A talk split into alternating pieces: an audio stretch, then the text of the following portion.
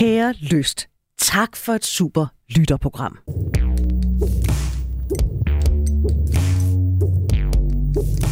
Jeg er en ældre herre, årgang 1949, der stadig er erhvervsaktiv. Jeg er lykkelig gift. Vi har været gift, og jeg har kendt min kone i 48 år og nyder at blive gamle sammen. Vi er begge meget aktive og holder os i form, og vi har et godt og aktivt seksuelt liv sammen.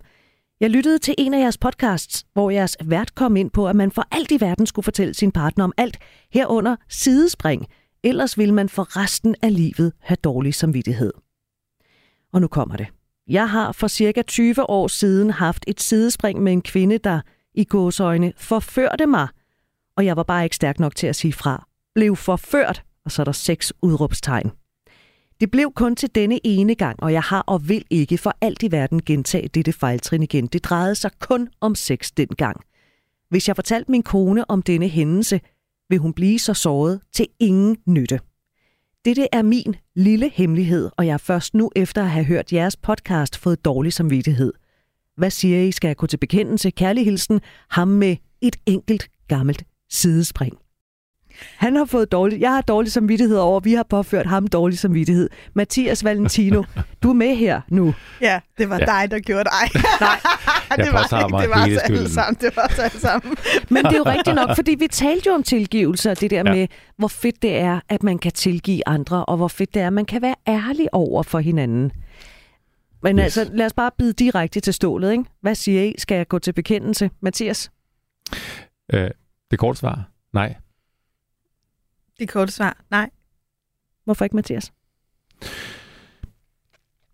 Mm, det er meget lang tid siden. Jeg havde faktisk jeg har haft en lignende øh, oplevelse øh, meget tidligt i, i, min, øh, i mit dating kæresteliv, øh, hvor jeg var sammen øh, en, en enkelt aften, og det var endda, det var bare noget med at kysse, og jeg havde altså verdens dårligste samvittighed, og så gik den væk, og så kom den igen tilbage et år efter.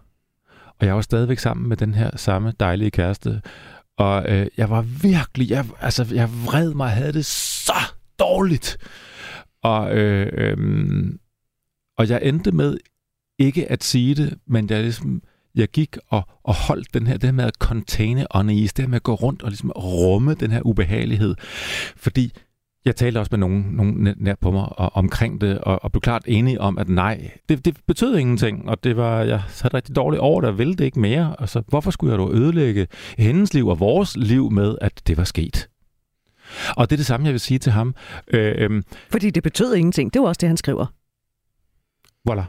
Plus, ja. jeg tænker også, at man kan sige, at i mange andre tilfælde tror jeg jo rigtig meget på ærlighed og på at tale om tingene, men det er 20 år siden, og det er faktisk først nu, hvor han har fået en anden bevidsthed, at han i virkeligheden tænker, så jeg tænker, på en eller anden måde, så tror jeg ikke, det vil gavne dem, for den måde, de har været par på, og den måde, de har talt om tingene på, så er kommet nu i ligesom i den alder, de er i nu, og så sige, for resten for 20 år siden skete der et nej, eller andet. Nej, nej, nej, altså, nej, nej, nej. nej. Det vil ikke gøre godt for noget. Nej, så man kan sige, og, og det er rigtigt, jeg fik faktisk helt dårligt, da jeg læste det her brev, og tænkte, åh oh, nej, hvad har vi sagt? Jeg må, jeg må prøve sådan at kende det, ikke?